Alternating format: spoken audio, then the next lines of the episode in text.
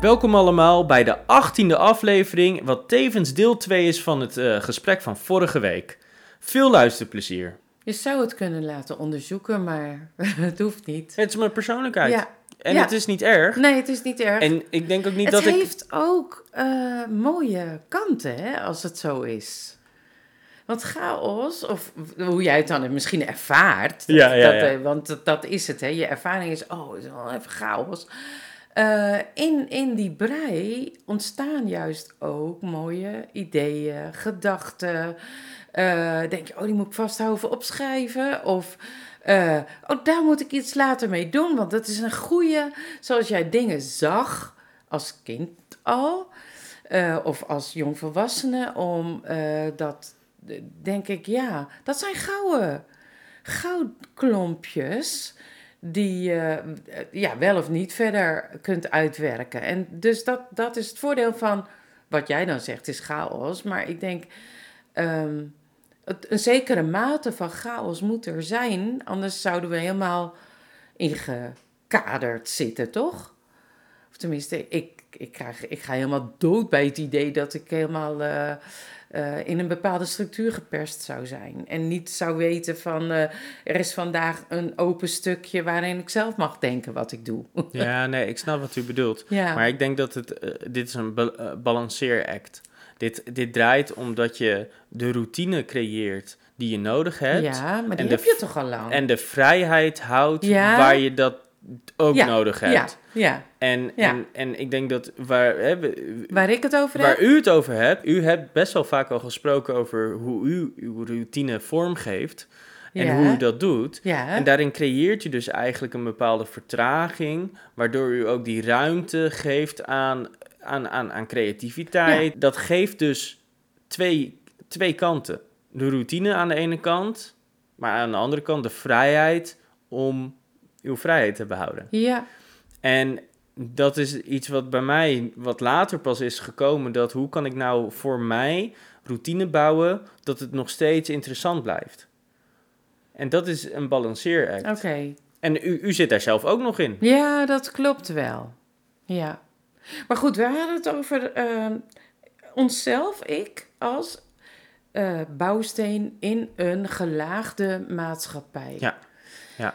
Dus eigenlijk wil je, wil je iets zeggen over het ik met betrekking tot die eh, behoorlijk ingewikkelde samenleving. Want we leven in een behoorlijk ingewikkelde samenleving, vind ik. Want je kan niet zomaar structuren veranderen. Je kan niet zomaar eh, culturen veranderen. Klopt, klopt. we- Wat ik daarover wil zeggen is dat je kan wel eh, kiezen van welke groepen je onderdeel wil zijn voor een groot deel van je leven. Dus heb je het over sportclubs, dan kan je bijvoorbeeld kiezen welke sport je beoefent. Heb je het over een kerkgemeenschap, dan kan je bijvoorbeeld zeggen, nou, ik wil me aansluiten bij een bepaalde kerkgemeenschap. Daar kan je ook in wisselen, daar kan je ook in veranderen. Ja. Je kan er ook mee ophouden. Dat zijn allemaal mogelijkheden natuurlijk. En dat heb je met heel veel van dat soort eh, lagen binnen de samenleving. Je kan ook vrijwilligerswerk gaan doen en een, een, een, een hele organisatie aan vrijwilligers ontdekken. dat klopt. En, en het grappige is Ja. eh, dat, dat voor alles is wel een, een wereldje, zoals ze het ja, ja, noemen. ja. Voor alles. Ja, maar ik denk ook wel jouw generatie, eh, bijvoorbeeld wat kerken betreft, sommige mensen van mijn generatie zijn hun hele leven al verbonden aan één en dezelfde groep. Ja. En eh, jouw generatie veel eerder hopt. En dat je misschien ook, eh, Ook qua werk. in je hobby en in je werk het, het gevoel hebt dat je een andere groep moet zoeken. Of een andere... Moet? Of wilt, wilt Ja. zoeken om nieuwe input te krijgen. Of een nieuwe, een nieuwe energie te krijgen. ja, misschien is het ook een generatie eh, iets. Mede. Eh, voor een deel is dat natuurlijk ook. eh, nou ja, de, de samenleving is vrij gecompliceerd, zo je zegt, of complex. ja, Ehm, en, en er zijn ook ontwikkelingen binnen die samenleving geweest, waardoor bijvoorbeeld het hele ZZP-schap werd gepromoot. Ja. Ja, zeker. Dat creëerde dus dat mensen dan eh, heel veel dingen zelf moesten gaan regelen. Maar ja, het creëerde dus ook dat er veel minder loyaliteit was naar die werkgevers. Want die wilden eigenlijk alleen nog maar ZZP'ers die zelf hun broek eh, omhoog hielden. Mhm. Ehm, en dat werd vervolgens weer doorberekend aan de klant. Dus ze waren en duurder uit, en, eh, maar ze konden makkelijker van het personeel af. Eh, dus het gaf bepaalde flexibiliteit, maar het gaf ook best wel veel nadelige gevolgen. En vroeger werd je gewaardeerd als je 40 jaar bij de baas zat. Ja, ja. Eh, nou, er zijn weinig werkgevers die dat nog waarderen. En dat- die zijn best wel uniek nu.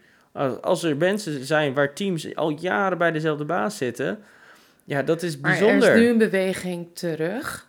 Ja, natuurlijk. Om weer, ja, natuurlijk. Ja. Want heel veel ZZP'ers eh, zijn laks geweest in bijvoorbeeld het afsluiten van levensverzekeringen of, Of, eh, t- geen pensioen opgebouwd. Vreselijk, want dan moet je dus werken tot aan dat je doodgaat. En dat is best wel een bedreigend beeld. Eh, en, en het heeft dus allemaal gevolgen gehad. En ik denk dus die, tegen, die beweging die zich nu weer inzet, waar scholen bijvoorbeeld zeggen van ja, maar dit kan niet meer, we kunnen niet meer op invallers.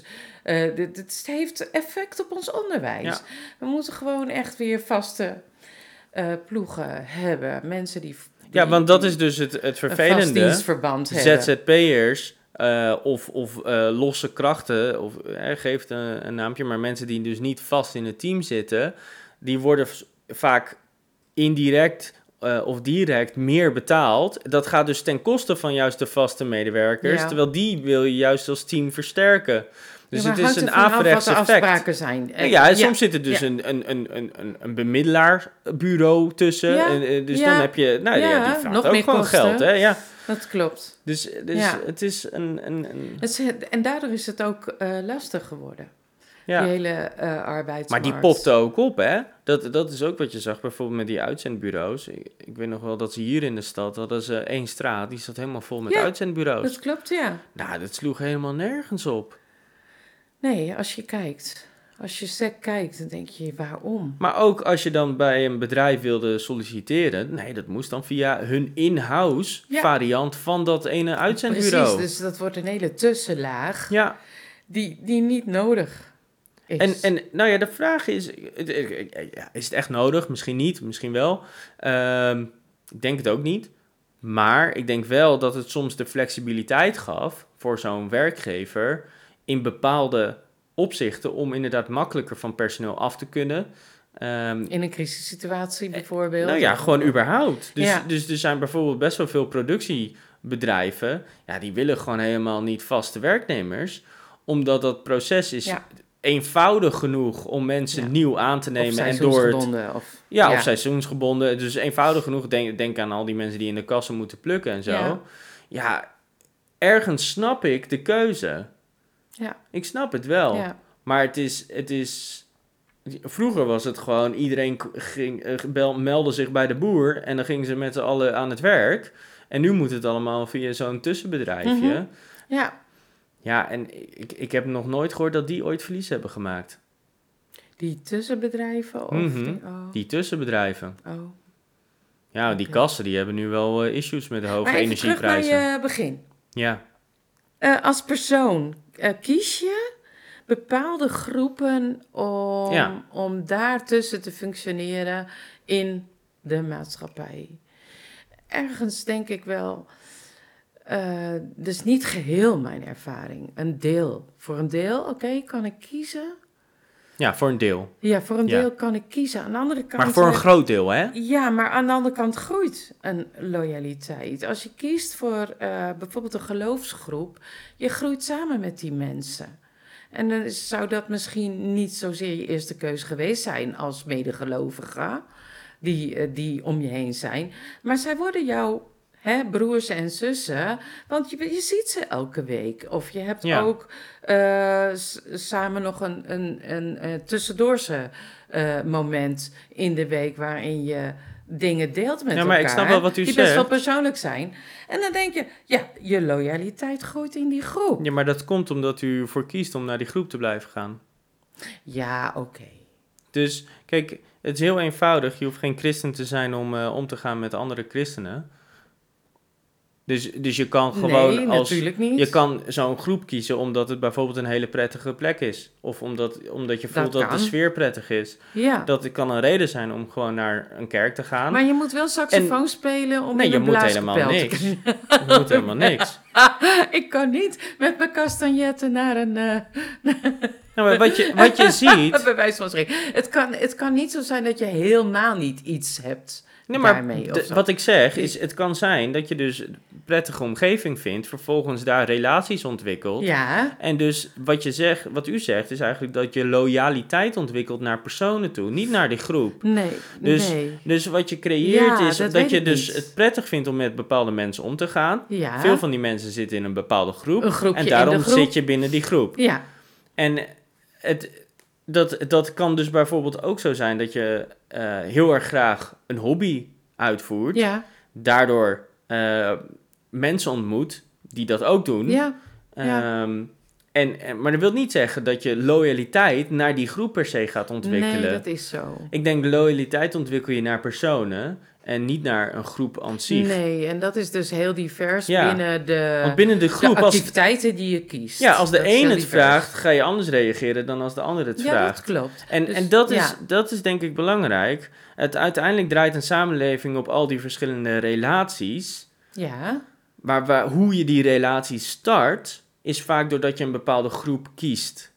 ja, Dus dat kan. de relatie die je opbouwt met die ene eh cashier, omdat je altijd daar naar de supermarkt gaat, ja, is omdat jij naar die supermarkt gaat. ja, dat klopt. Ja, En als jij een relatie... en je vindt die vrouw prettig? En misschien ga je dus Ja. altijd bij diezelfde kassa. Ja, Ja, dat, dat kan. maar dat, dat gaat om... dus wa- waar, mijn punt is dus eigenlijk... Je kiest eigenlijk die groep. En vanuit daar, binnen die groep, kies je vaak de personen. En dat gebeurt vaak van nature, heel, of heel natuurlijk. ja, dat is hoe die relaties ontstaan manier. en, en Ja. verder on- op, opwerken. Ja, in hoeverre is dat van betekenis op hoe de maatschappij functioneert? Ik denk dat het van heel groot betekenis is. Omdat zeker die, die intieme groepen ehm, maken wie jij bent. En wat ik daarmee bedoel is, uiteindelijk ben jij niet wie je bent omdat jij zegt wie jij bent, dat je bent. Zo. Nee, precies. Door Maar- je, door je eh, door- gezamenlijk gedrag. Nou, door, door, de, door eigenlijk de, eh, het psychologische contract wat je met de mensen om, om je heen hebt, Ja, waarin je kan zeggen wie je bent en waarin zij bevestigen dat jij dat bent. Dus uiteindelijk ben jij wie je bent doordat je samen kan bespreken wie jij bent. ja en, en dat eh, gaat vaak over gedrag. Dus wat je doet. Ja, dus wat acceptabel Ja, dat is. is mijn jaarthema. Je bent wie je wat je doet. Ja, maar als, je, als Ja. jij. Dus, dus als u tegen mij zegt. En u zegt opeens tegen mij. eh ja, Son, ik ben altijd je mama geweest, maar nu ben ik je papa. Wat? Ja. Als ik dat accepteer, dan begint dat werkelijkheid te worden. Op het moment dat niemand om, ons heen, om u heen dat accepteert, dan is dat geen werkelijkheid. Dan is het een fantasie. En dat is waarin de, de samenleving is opgebouwd. In wat kan je in principe dus ja, eh, afdwingen bij de rest. En dat afdwingen is nooit afdwingen. Het is altijd eigenlijk in gesprek. Een contract. Een samenspraak. Ja, ja, Over dingen. ja. Dat is heel interessant. Je, je moet met elkaar in Ja. gesprek eigenlijk gaan om te bepalen wie je eigenlijk bent. En dus je, dat doe je op je werk, dat doe je met je hobby's, dat doe je binnen de sport, dat doe je binnen de verenigingen waar je rondloopt, de, de samenkomsten of wat je, waar, waar je ook heen gaat. Overal ben je eigenlijk je sociale contract aan het bespreken. Mhm. Wie ben ik volgens jullie en accepteren jullie mij daarbinnen? Dus in feite, hoe jij je, eh, mag ik het zo samenvatten? Hoe jij je leven inricht door jouw keuzes in de eh, eh, samenwerking met de mensen die je kiest, die vormen eigenlijk de spiegel van jouw leven. Juist, ja, En maar die verandert steeds. natuurlijk. Eh, qua beeld, Ja, want je ontwikkelt. Je ontwikkelt, je staat niet stil. Nee, Maar het zal nooit zo fundamenteel anders zijn dat je eh, opeens van de een op een ander moment iets absurds kan afdwingen bij iedereen. nee. En dat is natuurlijk ook heel logisch. Daar gaat het je jaren overheen als je dat wilt. Ja, want Ja. Je, je- de, hè, je, hebt, je hebt jezelf kunnen spiegelen met al die mensen. En dat is ook hoe je, denk ik, mentaal gezond blijft. Als je dat kan blijven doen. Hè, als je open blijft staan voor wat die mensen tegen je zeggen. Want als je iets begint te spiegelen en dat komt niet terug... Dan, Als- dan als krijg je dus een wordt- mismatch. Ja, Dan krijg je een daar zit mismatch. iets in. En dus ik denk dat een Ja. deel van, van hoe gezond de samenleving is, is in, gaat ook over hoe ver we dus open blijven staan naar elkaar toe. Dat is heel interessant.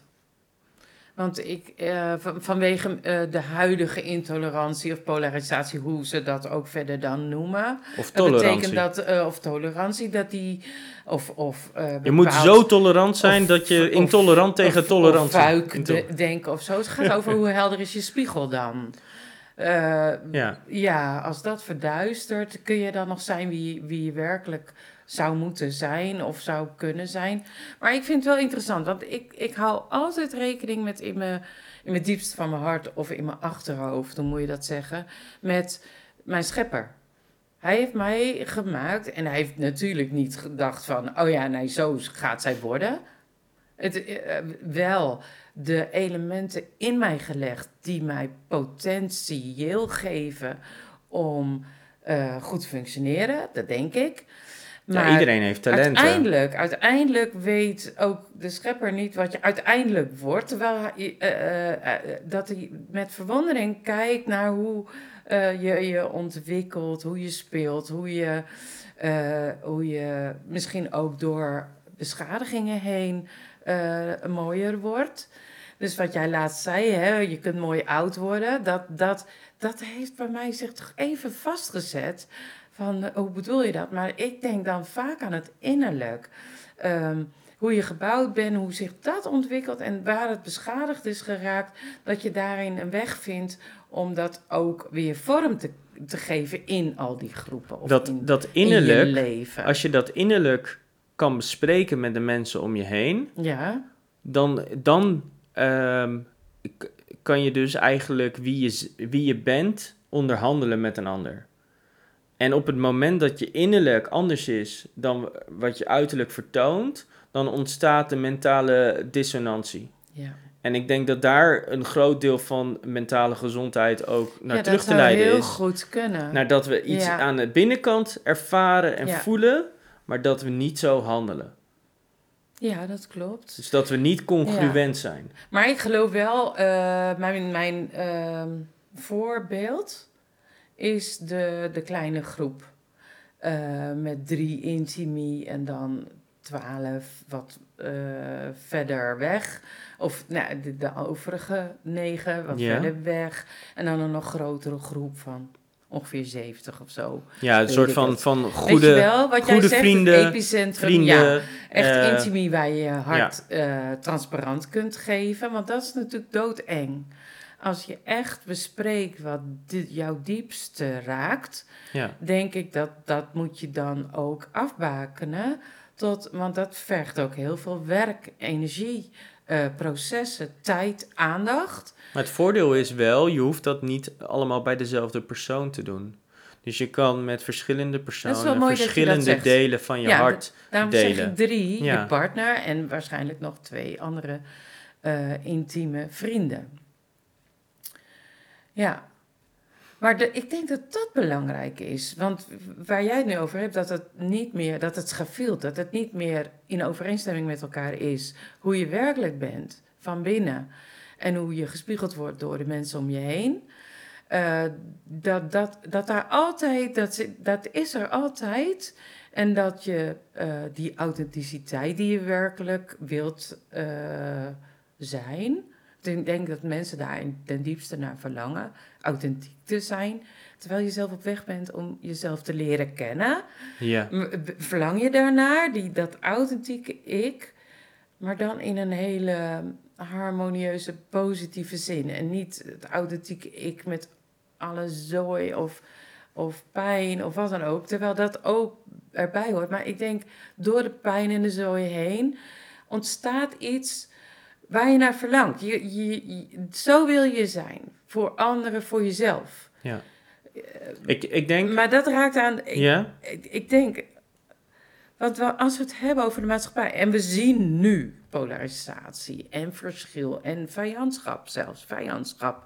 eh, Ja, ik moet eerlijk zeggen, ik merk het niet heel veel hoor. Nee, maar je leest. Je Ja, maar dat is- ja. En, en je, je, je- ja, mensen Maar in hoeverre- verzetten zich. Hoe, in hoeverre is het dan echt? Ik, ja, maar ik als bedoel, je rebellion hebt, of eh, exten- of Extinction Rebellion, Ja. zoveel mensen gaan op de A12 zitten. Waarom? Dat, dat heeft een oorzaak. Ja. nou goed, er, er zijn dingen waardoor mensen onvrede ervaren. ja, Ze willen daar iets aan doen. ja. En eh, dat begint inderdaad bij jezelf. Dat weet ik. Maar er is, er is in de maatschappij spelen er ook dus onpersoonlijke krachten die, die best wel eh, in gang gezet worden doordat die spiegel niet meer klopt.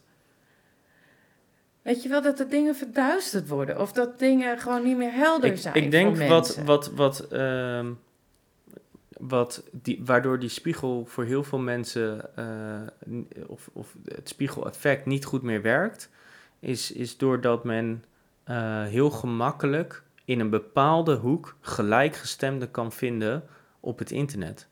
Ja, dat kan. Dus dat als- is een, als ik heel- een grote... Als ik heel hard iets roep, Ja. eh, Ja. en het maakt niet uit wat eigenlijk, Ja. dan zijn er altijd mensen die het daarmee eens zijn. Ja. En het zullen ook altijd mensen zijn die het er niet mee eens zijn. Maar ik vraag me af hoe groot dat aandeel En is. als je, op die, Ja. nee, maar als je op die manier kijkt, dan gaat iedereen zeggen: ja, natuurlijk is er polarisatie. Natuurlijk staan mensen Mhm. tegenover elkaar. Want eh, ja, mensen zijn het ermee eens en andere mensen zijn het er niet ik, mee eens. Ik ben het met je eens. Maar- aan de andere kant is daar die... eh, Dus- ik, ik hecht nog steeds geloof aan die kleine kern. Ja, maar dat is dus het punt. Het meest belangrijke in de samenleving is dus dichtbij. Ja, Het zijn dus niet die mensen die Nee, ver weg nee. of via het nee, internet. dat klopt. het zijn de mensen die om je heen staan Ja, en tegen je zeggen: wat voor gedrag ben je aan het vertonen? Want dit lijkt niet overeen te komen Ja. met hoe jij normaal bent. En waarom is dat hoe jij normaal bent? Want normaal eh, heb jij bepaald gedrag en dat is al, eh, dat, dat kan je groeien, maar als het goed is, is dat wat in je hart leeft. Ja, dus dan krijg je die uitwisseling van... Waar Wat je- doe je nou dan? Ik bedoel, het, het is, en dan het- ga je erover praten. Het spreekwoord is niet voor niets. Waar het hart vol van Ja. is, stroomt de mond van over. Dus als je praat met een ander, en Ja. zeker met de mensen om je heen, dan weten ze wat er in je hart speelt. ja, En als je daarmee stopt en je gaat dan op internet een, een, een hoek op, ja, dan ontstaat dus een, een, een verstoord beeld. Heel Mhm. gemakkelijk. Mhm. En dat is, dat is een enorm gevaar voor de samenleving. Het Ja. is heel gek om te zeggen, ja, ik want het internet heeft voor mij in mijn leven enorm veel positieve dingen gebracht. ja. Kan het ook bijna, ik kan het bijna niet wegdenken. Ik vraag me af of ik het zou kunnen. Maar het is ook een enorm gevaarlijk middel. En ik voel me super oud als ik dit zeg. Alsof ik een oude opa ben. Die tegen, tegen van, joh, let op wat je doet, jongen. Maar het is, het is echt zo. Ja, en daarom wil ik eventjes terugpakken naar jezelf. Dat je, dat je die, hè, ik had het over, ik hou altijd in mijn achterhoofd en onder in mijn hart rekening met mijn schepper. Want hij weet ten diepste wie ik werkelijk ben. En hij is de beste spiegel. Hij is zo zuiver, zo'n zuiver gouden spiegel, dat ik alleen bij hem weet, mag weten wie ik werkelijk ben. En ik denk ook, ja, ook al zou, het zouden mensen luisteren die gewoon helemaal niet in God geloven of in een schepper of wat dan ook. Voor mij is het werkelijk zo dat je dan teruggefloten kan worden over bepaald gedrag. Of, of dat, dat hij. Ja, dus dan gaat het om als ook moreel kompas. Ja, Ja. ja, en niet alleen moreel kompas, ook het diepe besef dat ik vanuit hem kom en weer naar hem terug ga. Dat ik een bepaalde verantwoordelijkheid draag ten opzichte van hem om hier te zijn. Dus niet alleen van, nou, dan weet ik wat wel of niet mag, of eh, hè, de tien geboden weet ik het. Daar gaat het niet eens meer om. Het gaat om eh, dat ik precies weet als ik bijvoorbeeld ten opzichte van iemand te snel ben met een antwoord. Op dat moment gelijk weet Maar dat, dat heeft- Bijvoorbeeld, hè? maar heeft dat niet te maken met die ander? Het heeft ook te maken met die man, maar ook zeker met mijn eigen hart. Dat ja, maar in hoeverre heeft Ja. het dan, zoals u dat zegt, de schepper daarmee daar invloed op? Ja. Want ik, ik, wat ik hoor is gewoon twee mensen die met elkaar praten en de een realiseert zich iets. Dus wat heeft dat dan met de schepper te maken? Ik denk, bij mij is het. ehm, ik ga ervan uit dat het uiteindelijke oordeel over alles, of het goed is of niet goed, eh, dat dat bij God ligt, bij de schepper ligt. En als ik van binnen iets voel van, hé, hey, eh, ik Ja, moet dus er- u voelt ik moet daar wat over zeggen. Ja, En dan, u voelt een drang dan? ja, maar tegelijkertijd weet ik van, oh wacht even. Het oordeel is niet aan mij. Ja. Dus dan eh, wil ik heel graag het liever terugpakken en zeggen van... Oké, dat had ik uit liefde. eh, had ik dat anders willen zeggen. Weet je wel, uit eh, mededogen met jou... of uit meeleven of inleven van wat je nu zei... wil ik er iets over zeggen. Maar hè, je mag doen wat je ermee wil. Maar de, de, ik denk dat dit... ik heb snel een... Ik snap dat, dat u heel erg vanuit uw beleving dat Ja. de, de zo- Ja. maar ik denk dat heel veel mensen dit ook gewoon uit zichzelf hebben. Maar ik denk dat het daar, daar begint het. Het besef van, ik ben niet het einde van alle dingen. Ik ben niet het centrum van alle dingen. Ik, Hmm. Terwijl ik wel een bouwsteen ben in die grote, ma- eh, complexe maatschappij, houdt het niet op mij. Nee, u bent vervangbaar. Nee, ook niet. Maar wel, nee, daar geloof ik helemaal niks van. Ik ben uniek eh, en, en ik denk de schepper heeft mij bedoeld op deze aarde mijn plek in te nemen. Niet, dat niet zo. Maar wel dat hij alles weet en alles in handen heeft. En over alles het zuiverste oordeel heeft. En dat ik vrij mag zijn van, eh, dat ik echt vrij mag zijn van een bepaald oordeel of een bepaald eh, dwang eh, naar een ander toe. En dat snap ik. En dat Ja. principe is heel mooi. Ik vind het alleen eh, lastig te, te, eruit te halen wat dan de, de rol van de schepper heeft in dat verhaal. Ja, Omdat ik denk van ja, u hebt het heel erg over de samenleving. Ja. En dus de interactie tussen mensen. ja, En dat daarin gewoon bepaalde Ja, principes naar dus- voren komen. Van Ja. je hoeft geen oordeel te hebben naar anderen. Ja. Maar dat kan iedereen natuurlijk als principe hanteren. Daar hoef je geen schepper voor te hebben. Ehm, u doet dat dan misschien vanuit die er overweging of dat punt. Ja, maar Alleen ik ben niet het centrum. In, in Het principe hangt- kan een humanist natuurlijk dat ook gewoon als principe pakken en zeggen: Nou, ik, ik, iedereen is mens, iedereen is gelijk. En ik vind niet dat het oordeel is aan de mens. Nou, luister, het, het zit eigenlijk op. Bijvoorbeeld, ik noem een voorbeeld. Eh, mensen schrijven over de opwarming van de aarde.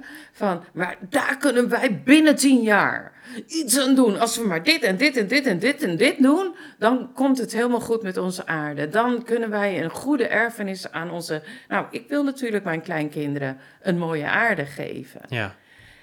De andere stem is, maar luister eens even, het is al 6000 jaar gaande wat hier plaatsvindt.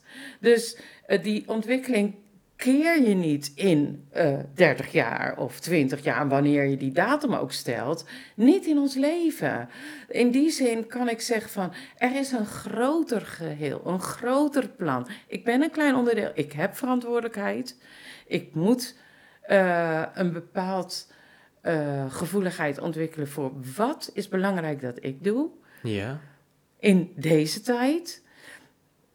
Maar ik vraag ook soort van, geef me een heldere spiegel om te kijken wat voor mij belangrijk is om te doen, zodat ik werkelijk ehm, de belangen van de schepper dien en niet zozeer de belangen van dat het binnen 20 jaar gedaan moet zijn of, of dat dit of dat bereikt moet zijn. Hmm.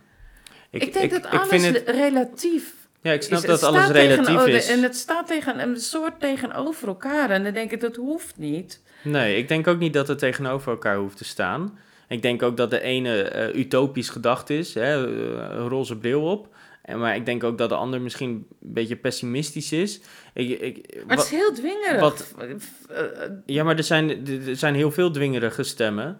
Ehm, ik denk dat we allemaal zelf in vrijheid onze mening daarover mogen ontwikkelen. Dat is dus de vraag, want jij hebt het allemaal over die, eh, die mensen om je heen en die oefenen krachten op jou uit. Ja. Hoe vrij zijn we dan?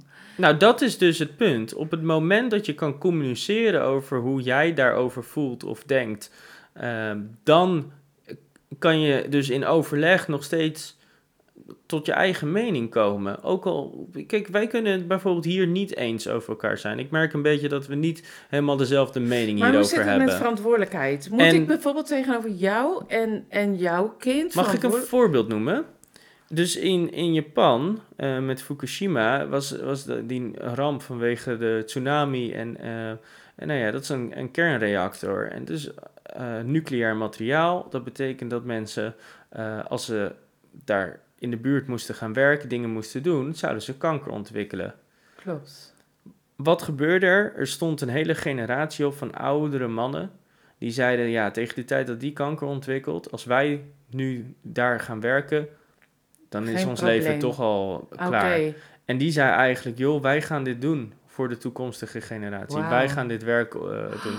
Wij gaan dingen als opruimen, Opruimen. schoonmaken. We gaan eh, in die om- ja, gevaarlijke omgeving werken. Wauw. Ehm, en dat is, dat is ergens, ik vind dat super bewonderenswaardig. Ja, Eh, want ik bedoel, dat is je leven over hebben voor. dat is aan de ene kant, Ja. het is ergens heel gecalculeerd, maar het is ook een, een, een, een zelfopofferingsdaad Zeker, voor de mensen om je heen. zeker. En ik denk dat, ik vond het zelf zo'n mooi voorbeeld, dat ik dacht van, maar dit, dit is waar het om draait. En ik denk dat het gaat om wat u noemt over eh, eh, klimaat, eh, op, opwarming van de aarde, et cetera. Ehm, ik denk dat we op die manier daar ook in moeten staan. Ja. Dat, we, dat we niet gaan eh, eh, wijzen met een vinger van je moet het allemaal Nee, zo en zo doen. nee, maar of, dat zeg eh, ik dus we ook. moeten met z'n allen Ja. nu stoppen en al die maatregelen Ja. doen. Maar dat Maar- is zijn maar ook de andere kant-. Ja, maar ook de andere kant, ook zeggen, ja, het, het tij is niet te keren, het is alleen maar af te remmen, maar dat is het dan ook.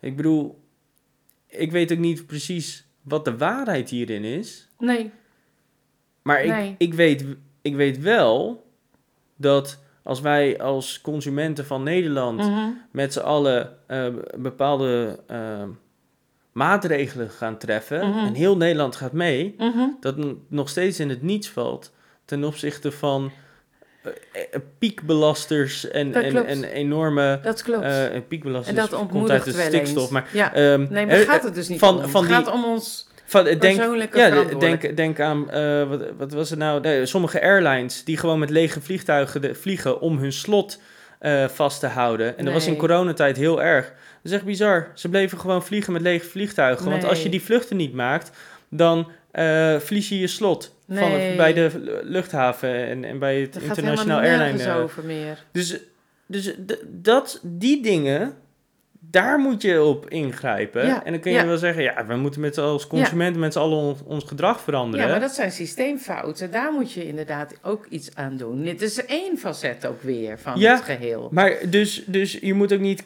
Kijk, ik denk altijd 80-20. Ja. Je moet met 20% 80% van het probleem proberen op te lossen. Oké. En niet met 80% die ene 20% proberen op te lossen. Nee. Dat werkt niet. Nee. Dan ga je dus... Dit is gewoon 80% van je energie gaan stoppen in maar 20% effect. Dan kan je beter grote slagen maken. Als het kan. Tuurlijk, Ja. dat kan altijd. ja, ik ben ervan Ja. overtuigd dat het kan. Maar eh, het, het, het vereist internationale samenwerking en het vereist een andere ja, ja, ja, manier dat van was denken. die laatste laag waar je het over ja, had. ik bedoel, het is Ja. niet voor niets. Kerosine is zonder belasting, hè? Dat is internationaal afgesproken. En, en er zijn, zijn er allemaal voorbeelden van verdragen en afspraken die Ja. we vroeger hebben gemaakt. En toen met de beste intenties. Ik ben het helemaal met je eens. Voor deze dingen. En daar kunnen we Ja. nu echt vanaf. Dat ben ik echt met je eens. Ja. En dan vanzelf ga je, ja, je mag maar twee vluchten in je hele leven maken, want dan is je CO2 op. Eh, dan heb je je tax bereikt. Ja, als je vanzelf die keuzes gaat maken, dan gaan mensen vanzelf minder vliegen, omdat ze denken, ja, is wel duur toch wel. ja, Ja, dan heb je het. eh, dus, dus, en, en, en misschien gaat het hele eh, treinnetwerk in Europa, die interconnected, waar, waar de Europese Unie al best wel lang op hamert, dat dat beter zou moeten zijn, gaat misschien eindelijk wat beter van start dan, omdat mensen meer naar die optie gaan kijken. We blijven hopen. Ja, Eh, hoopvol. hoopvol. Ja. Maar ik, ik denk echt dat je altijd moet kijken naar hoe kan je 80% aanpakken met maar 20% moeite. Mhm. En dat zijn toch echt de, de, de grote punten en niet de massa-veranderingen. Nee. En als je zegt een hele massa moet zijn gedrag aanpassen, ja, veel succes. Ja. Dat, dat werkt niet. nee. Nee, Nou, dit was een heel interessant gesprek, moet ik zeggen. absoluut. Ik moet hier ook verder over nadenken. Dat merk ik wel, elke podcast, dat het eh, vaak, dat het zoveel ha- handvatten weer geeft voor nieuwe lijntjes of dingen om over na te denken. Want ja, want dan denk ik wel eens, oh, dat had ik anders willen zeggen of zo. Maar ik bedoel, het, het, het blijft gewoon eh, een interessant gesprek met elkaar. En, nou, inderdaad. Ja, Ja, toch? nou, dat vind Ja. ik ook.